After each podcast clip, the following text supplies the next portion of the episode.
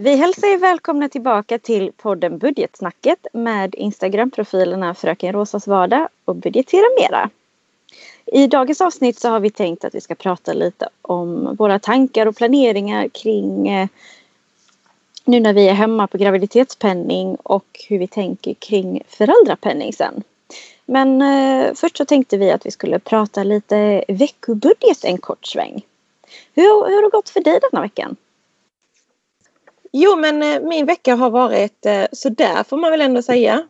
Eh, det, eller ja, det är ju fortfarande plus i slutet av hela veckan totalt. Då ligger jag på plus 223 kronor. Men jag har överspenderat på ganska så många kategorier. Då tänkte vi mer berätta liksom hur gör, eller hur gör jag? För att jag tänker att vi gör säkert olika. Då hade jag 1000 kronor i mat denna veckan som jag fick spendera. Och jag har, har spenderat för 1279 kronor. Så nästa vecka så kommer jag försöka dra in lite pengar där. För att jag ska liksom komma i fas. Så det är väl det som är liksom tanken med budgeteringen. Att man liksom hela tiden håller koll på sina pengar och spenderar man lite mer så vet man det. Då måste man dra in kanske lite nästa vecka eller nästa vecka igen. Och tvärtom. Eller tvärtom, ja det är väl jättebra om du bara spenderar mindre hela tiden. Då blir det ju mer pengar kvar. Ja, det var väl det liksom i stora hela. Och sen så tänkte jag berätta det här med veckobudgeten nu också. Vi, vi spelar in dessa avsnitten i förväg. Men vi tänkte, alltså om man vill ha realtid på våra, våra budgetar så får man jättegärna följa oss på Instagram. Men för nu är detta den 25 till 31 mars som jag eh, sitter liksom och berättar för er. Och det kommer det inte vara eh, när vi släpper detta avsnittet. Men för er som inte följer oss så tänkte jag att då kan det vara bra att veta hur vi gör när vi överspenderar på vår veckobudget eller underspenderar och vad vi gör med pengarna. Det är att eh, liksom mina pengar där har blivit plus i kategorierna totalt 223 kronor. Det låter jag ju bara vara det till i slutet av månaden. Då, om jag har pengar över i slutet av månaden på alla mina kategorier, då planerar jag vad jag ska göra med de pengarna. Och det brukar vara att jag sätter in dem på spar eller aktier eller så här. Men sen ibland kan det vara att man behöver någonting att köpa och då har jag ju pengar till det. Hur har din veckobudget varit då denna veckan? Den var nog lite bättre än min va? Lite bättre. Lite lite. jag eh, gick faktiskt plus 1400 på min. Jag hade totalsumma 3850 och jag hade kvar 1428.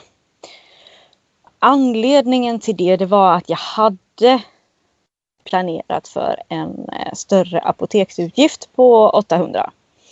Men eh, den blev inte av att behöva betalas denna veckan. Så att, eh, det blev en liten eh, försenad apoteksbeställning. Så att den kommer jag flytta med till nästa vecka. Så därav att det blev en sån högre summa.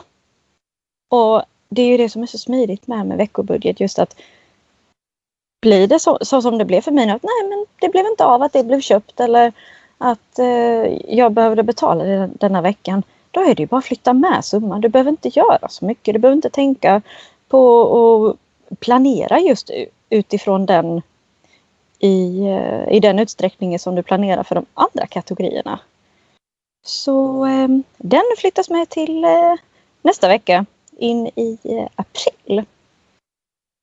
Men det var väl lite om våra veckobudgetar och hur det hade blivit ehm, med dem. Vi hoppar in på dagens tema med graviditet och föräldrapenning. Och då så eh, tänkte vi att vi börjar lite med tankar kring när vi eh, skulle gå hem ekonomiskt sett där är ju vi två väldigt olika. Jag hade ju en jättebrottningsmatch eh, med den mentala biten just ekonomiskt eftersom jag skulle gå hem redan i eh, vecka 22 på grund av eh, de nya rekommendationerna med covid-pandemin. Jag hade det jättejobbigt och jag satt och jag räknade och jag funderade och sådär men om man liksom bortser från det ekonomiska så var det ju inte så svårt egentligen att tänka på vad som var bäst för mig och lilla bebisen. För jag skulle ju aldrig förlåta mig själv om, om det skulle hända någonting och den skulle födas för tidigt och inte klara sig och sådär. På grund av min envishet för att jag ville spara pengar. Men eh, när, när, beslutet väl var taget i alla fall så um, satte jag mig och uh, började fila på ny hållbar budget som skulle funka under, under denna tiden. Och det är klart det går ihop sig. Alltså, jag har ju utrymme och jag kan liksom planera om så att i, i det stora hela det gick jättebra. Hur gick dina tankar? Du, du, du gick ju hem lite senare än vad jag gjorde. Ja, jag kommer inte riktigt ihåg vilken vecka jag var men jag sökte ju om eh, graviditetspenning eh, den normala tiden. Liksom. Vad är det, två, är det två månader innan man får gå hem eller är det... Nej, det är en månad man får gå hem tidigare. Jag tror det är vecka 32, 36. Ja, ja något sånt. Men eh, då fick jag ju avslag eller då ville de att jag skulle jobba 50 procent. Men då kände jag att alltså, att jobba 50 procent Visst, det hade ju varit bra för min kropp men där kände jag också bara, men om jag ändå ska gå dit eh, och utsätta mig för eh, alltså, att bli smittad på jobb så kände jag att då kunde jag lika bra vara där 100% För att även om jag är där 50% så är inte smittorisken för mig mindre än vad den är där om jag hade varit där heltid. Och Eh, då sa Försäkringskassan till mig att min, arbetschef, eller min chef kunde förbjuda mig att arbeta genom att kryssa i ruta 5. Jag kommer ihåg den här rutan så väl. Men då så ville han inte, eller han ville nu ska vi inte säga att han inte ville för att det var väl mer att han inte visste om han fick göra det. Så var det. Så det slutade med i alla fall att jag blev ju förbannad. Jag lät eh, mina hormoner styra. Så jag till och med liksom skrev till Folkhälsovårdsnämnden två gånger vilka jävla idioter det var i princip. Som liksom inte säger till oss eh, gravida kvinnor att vi, vi, ska in, vi ska vara extra försiktiga men vi måste jobba. Och vi måste även, eller vi får inte heller vaccinera oss. För att då kan det vara en risk. Medan jag känner mig bara fast då borde ju vårt, alltså vårt strå till stacken borde ju vara isolering. För samhället och för oss själva. Så för mig var det liksom en självklarhet men det, jag blir så irriterad när folk inte kan se sådana självklarheter. När de borde göra det. ja, så jag har väldigt mycket hatkärlek till dem. Sen så blev det ju liksom efter alla mina hatmejl till dem så fick ju helt plötsligt kvinnorna gå hem nu i vecka 20.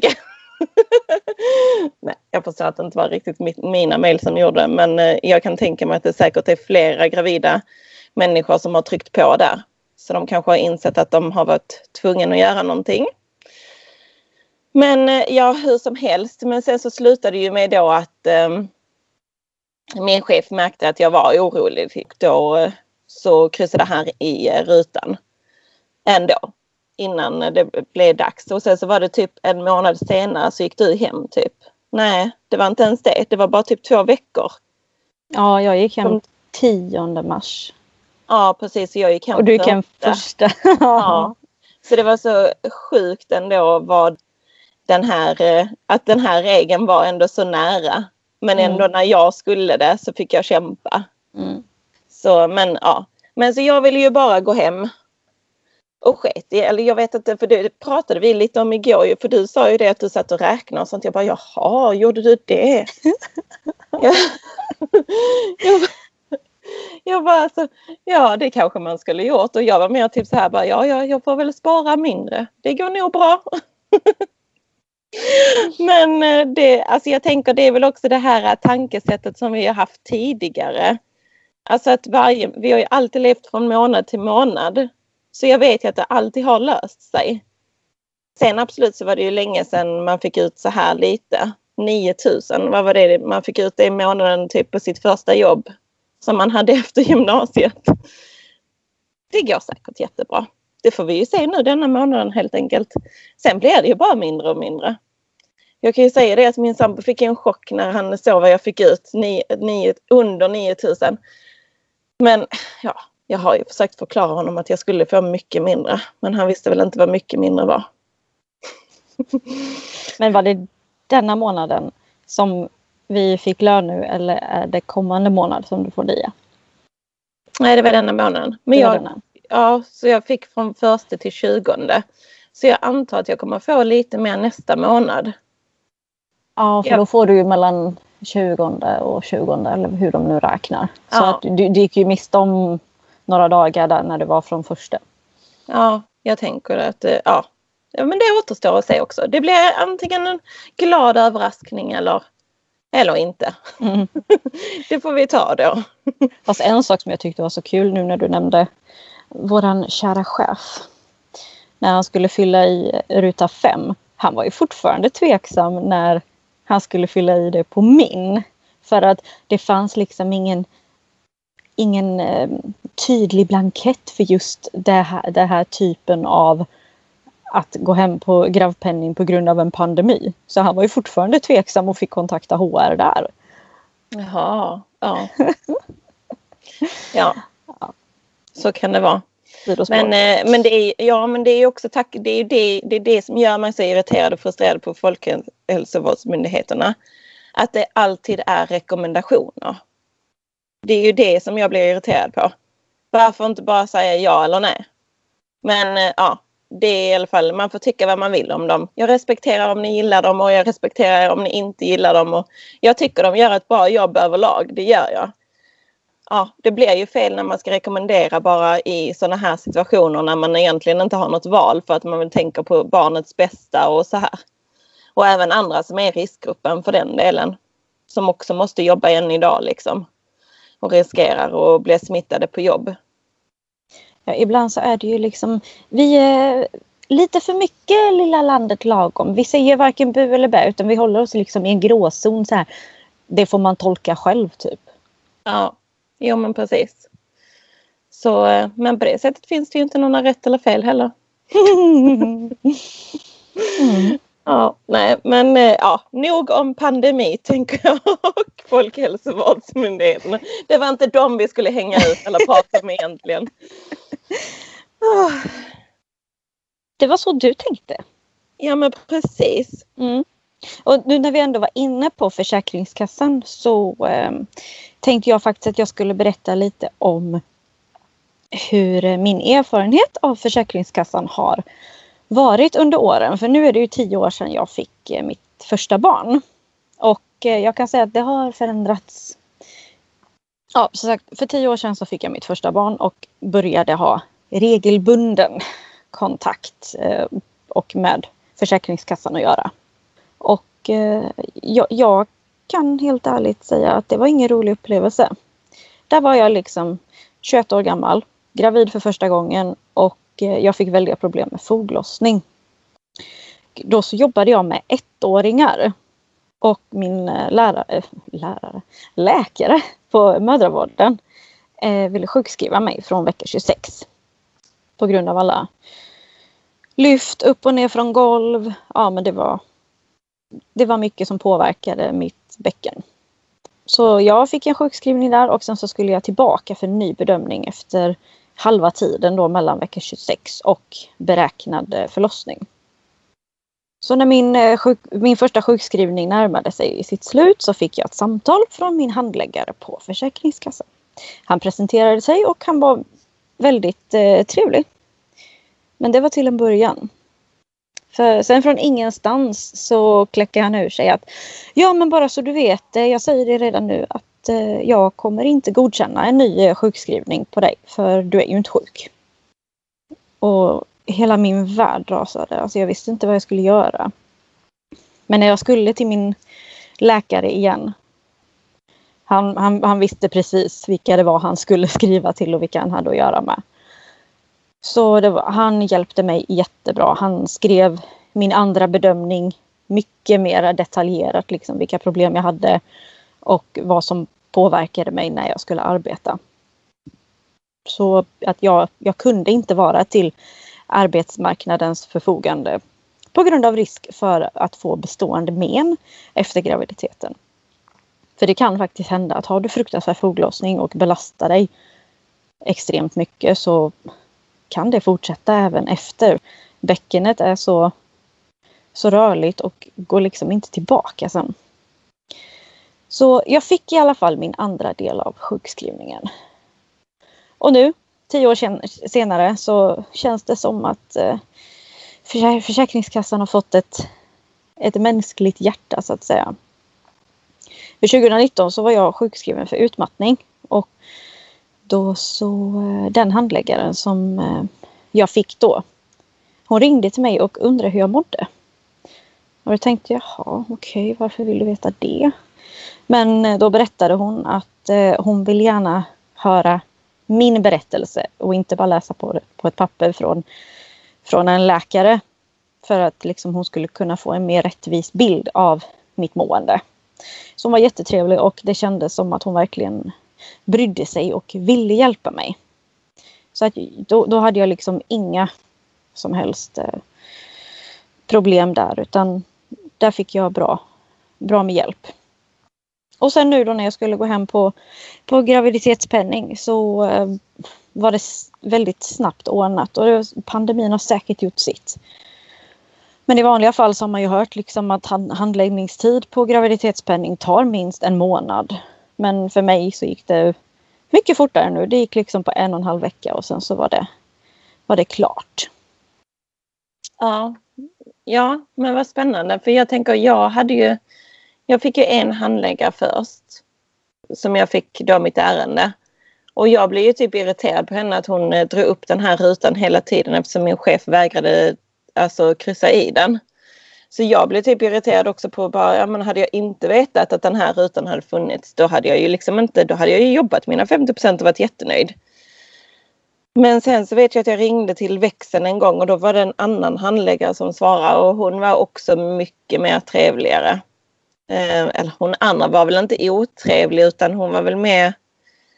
Nej men för det första, när första gången hon ringde mig då kan jag säga att hon ringde mig 20 över 4. Och jag bara liksom, alltså att ringa till en första mamma som ska in i Försäkringskassans världen för, för första gången. 20 eller 10 minuter innan man slutar. Alltså du vet allt det hon sa det gick inte in i mitt huvud för att hon pratade liksom i 190.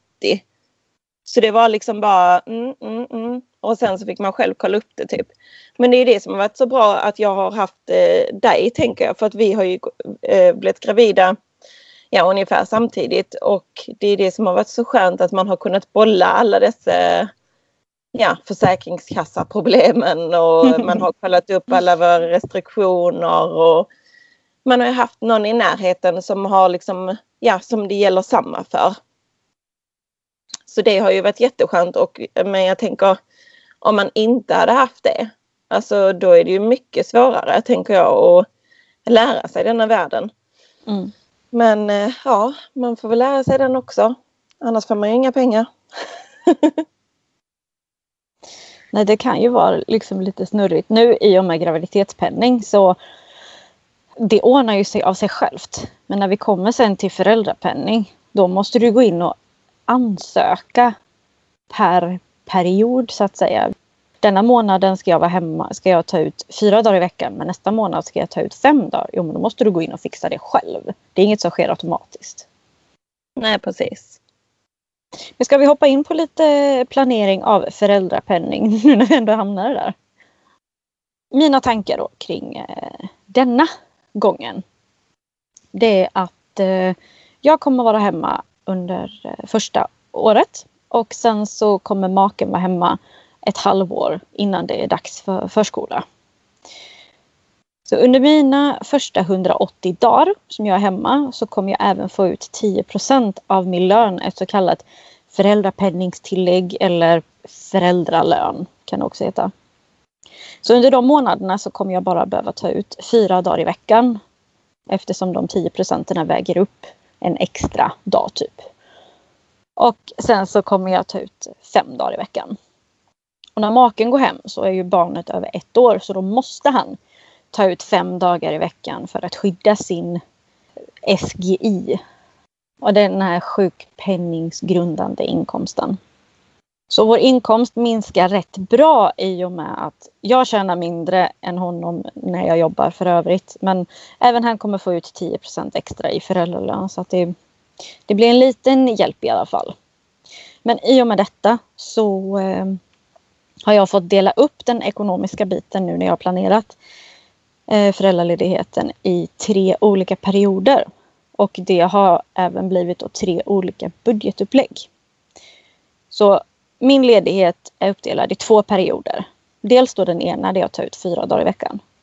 Och dels andra perioden där jag tar ut fem dagar. För då är jag utan den här föräldralönen. Eh, och behöver då ta ut en extra dag. Men inkomsten kommer i stort sett bli densamma. Och den tredje perioden så är det maken då. Och inkomsten kommer ju vara betydligt lägre. Där så fick den en egen budget och eh, även den perioden så, så kommer det att gå bra. Jag har som mål att inte behöva dra in på vårt vanliga sparande under de två första perioderna. För det, det ser ut att gå ihop rätt så bra. Så att det kommer till och med finnas lite pengar över efter sparandet. Så att där, där är jag inte orolig. Men sen när maken går hem så kommer det, det minska inkomsten med ungefär mellan 2 500 och 3 000. Så då får eh, sparandet lida lite grann under de sex månaderna. Men eh, nu i och med att jag har planerat för detta så känns det liksom helt okej. Okay. Det gör liksom ingenting att sparandet kommer att bli lite mindre. Så att det liksom inte kommer som en chock när väl den perioden kommer att han ska vara hemma och så bara åh herregud. Det här hade ju inte jag tänkt och det här var inte enligt min plan och de tankarna kommer utan det är planerat, det finns med i planen, det kommer gå bra. Hur har du tänkt? Eh, jag har inte tänkt så. Nej, med tanke på det vi pratade om igår så jaha okej, okay, ska man göra sånt också? alltså jag vet inte, jag vill ju bara vara hemma så länge som möjligt och min man har väl trott typ att vi har levt i ett jämställt förhållande. Så han trodde ju att han skulle få hälften av föräldradagarna. Och där var jag ju snabb och ljög ihop att man ammar ungen tills den är fyra för att jag ska kunna vara hemma så länge som möjligt. Fyra? Heja dig! Jag vill ju bara vara hemma så länge som möjligt med mitt barn. Jag har ju inte tänkt typ så här i pengar. Och jag har ju tänkt då att jag kommer börja att ta ut tre dagar i veckan. Eller två dagar i veckan. Jag vet inte. Och jag vet inte om vi kommer klara det ekonomiskt. Men det får vi ju se, tänker jag. Och jag tänker att där kommer ju sparandet bli mindre för oss. För det är ju det som, alltså vi måste ju fortfarande kunna leva. Så där, där tänker vi också annorlunda. Men det är det som är så roligt att vi, det, vi tänker helt olika med våra budgetar och ekonomin och så. Um, jag har inte suttit och räknat hur mycket jag ska få ut. Jag har, jo, det har jag gjort men jag har inte, vad heter det, suttit och delat upp det i tre perioder. Jag vill att min man ska få kvalitetstid med vårt barn. Men jag vill inte att han ska vara hemma i ett halvår i sträck till exempel utan jag vill ju hellre att för att hon måste ju börja på förskola och då känner jag så här att då hade det varit jättebra om han hade varit ledig typ två dagar i veckan eller en dag i veckan så hon får vara mindre tid på förskolan. Det, det, det känns bäst för mig eftersom jag vet att hon eh, fortfarande är så liten. Men det, och det är också hur man planerar. Så tanken är väl kanske att han är hemma en månad och njuter och sen så när hon börjar förskolan så är han ledig någon dag i veckan istället. Det är det vi har pratat om. Sen kan det ju förändras absolut på vägen. Han kanske säger nej men jag vill vara hemma. Ja men då får han ju. Det är ju hans dagar. Han får ju styra över dem. Men jag fick i alla fall. Eh, jag fick i alla fall de dagarna av honom som man kan få. Så jag var nöjd. Ja, det är ju 90 dagar som är ja, öronmärkta till en förälder. Och sen så får man ju dela upp de andra hur man vill. Men det är lite kul också där när vi pratade i förra eller för ett par avsnitt sedan när vi diskuterade semester och var ledig och ekonomi och sådär. Och där var ju du, du prioriterar ju mer ledighet än ekonomi och det ser man ju även här när du pratar om din föräldraledighet. Ja men precis. Men återigen, jag älskar att vara ledig och sen så är det väl också, jag har ju väntat på och var, alltså jag har ju väntat på att ha semester i ett år, i fem år kan man ju säga. jag vet att folk säger att det inte är semester men för mig är det semester. Men eh, vi får se. Fråga mig igen när ungen har kommit så kanske jag ångrar mig. Jag vill liksom bara vara hemma och njuta och vara ledig ett år. Det, alltså, det känns ju fantastiskt för mig. Ja, vi får se helt enkelt. Nu började vi lite sent men vi hoppas ju på att det kommer syskon också. Det har vi redan också börjat planera om liksom. För att jag ska kunna vara ledig ett år till. Herregud vad jag ska vara ledig. Men så pengar brukar ju lösa sig känner jag. Och det är väl också bara den inställningen som man har. Alltså, för jag, det, var, det var ett annat eh, konto som jag började följa. Ekonomisk råd, eller skuldrådgivare tror jag hon jobbade som. Och då var det, hon pratade mycket om att man eh, kände skam för sin ekonomi och så.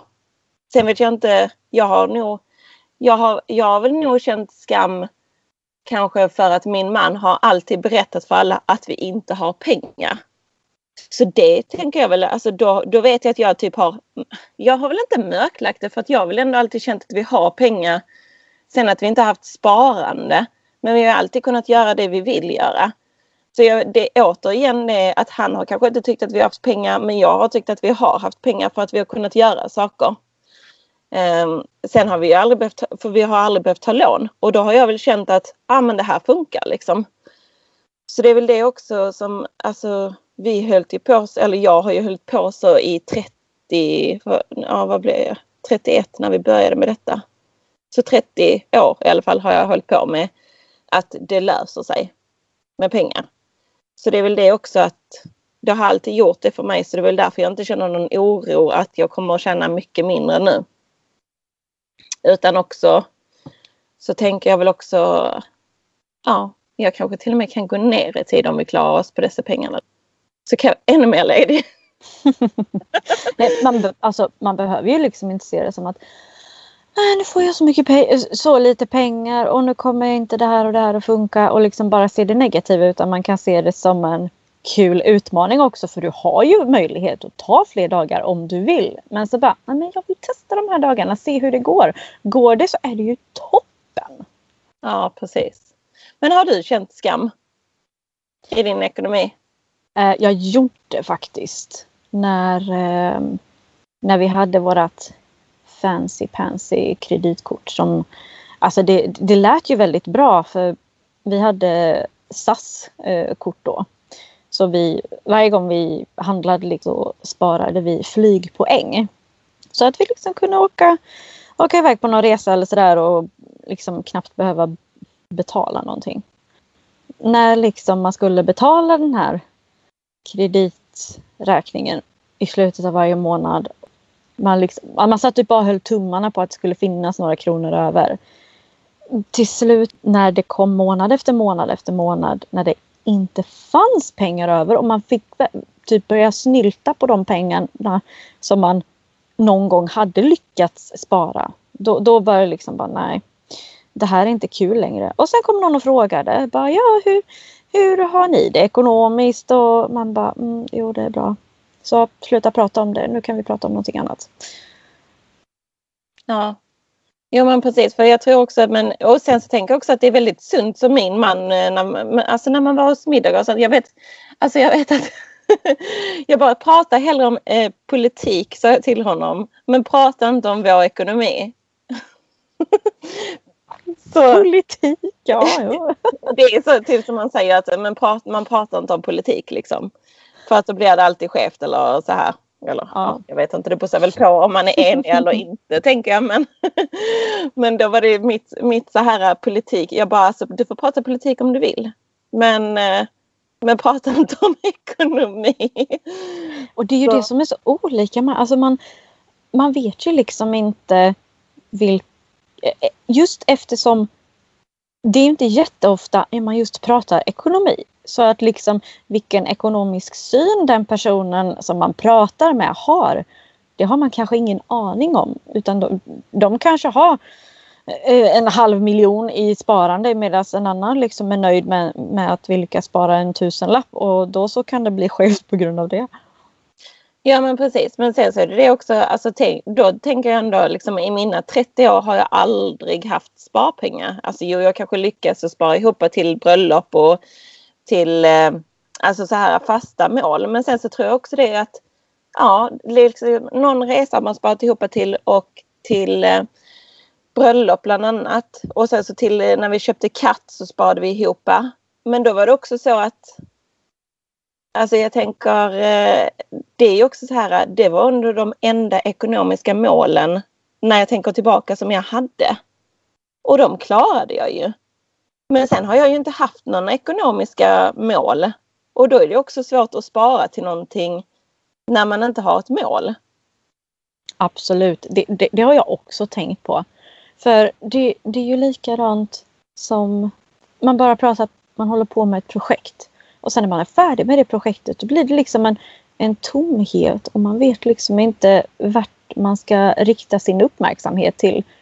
Utan det är ju väldigt bra just ekonomiskt att ha vidare mål när man vet liksom nu närmar vi oss slutet av det här målet. Vad skulle vi vilja att nästa mål blev? Ja men precis.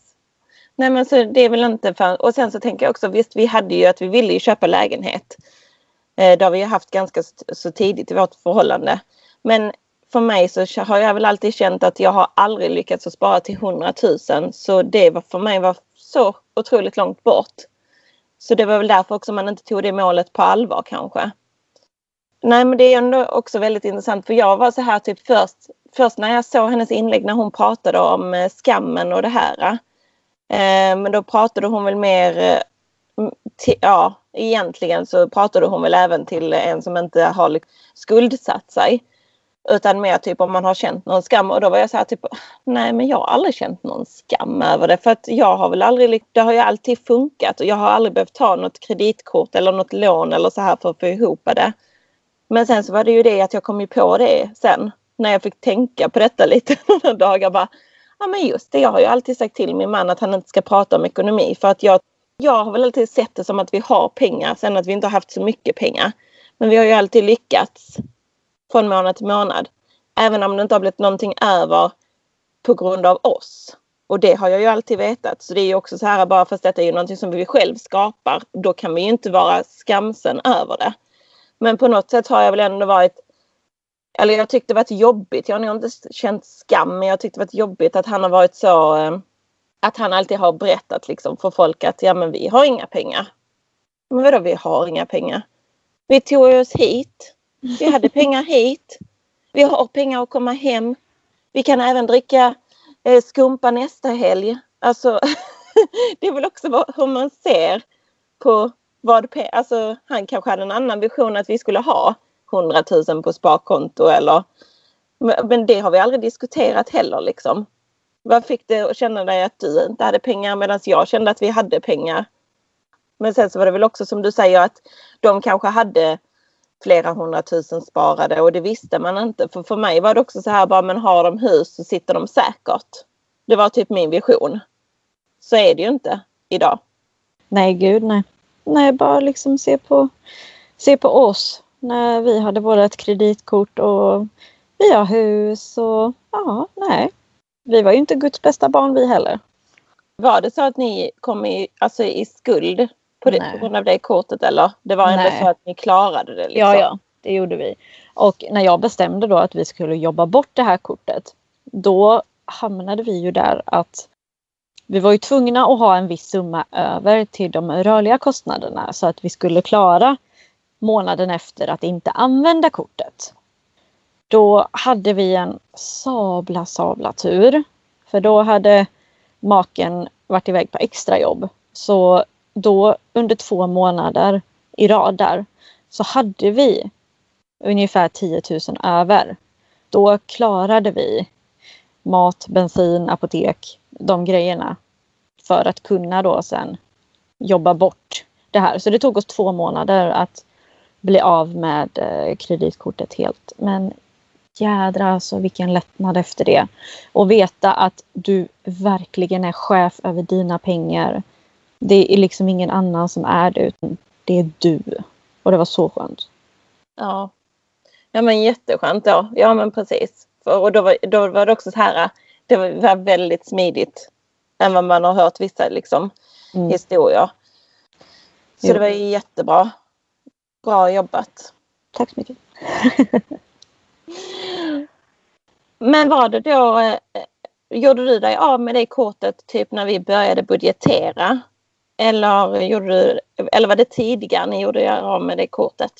Ja, eller det, det var ju, nu ska vi se. Det var typ precis när jag hade hittat budgetfracken faktiskt på, på, på Instagram och hon pratade just om kontanter, kreditkort, betalkort. Och så tog jag kontakt med henne och började bolla lite det här med att just betala av kreditkort. Och eh, då fick hon mig superinspirerad så jag tror till och med att det var under april och maj förra året som vi gjorde detta. Innan jag eh, började budgetera och gå, införde 100 procent. För jag kände, jag kände nog inte liksom under den tiden som vi betalade bort detta kortet att eh, vi hade den möjligheten som jag ville ha. Det här med att vara chef över alla sina pengar. För jag ägde inte mina pengar kändes det inte som. Utan då när det var borta då kände jag att då kunde jag börja arbetet på allvar. Ja men precis. Men ja, men det är det. För jag har ju också jag har inte bollat med henne så men jag, jag, tycker att alla de här kontona som jag följer på Instagram eller som följer mig, alla är så sjukt trevliga. Och jag vet inte, jag hade väl inte förväntat mig det.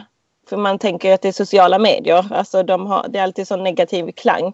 Men jag vet inte om det är också bara för att man kanske är så sårbar när man liksom pratar öppet om sin ekonomi.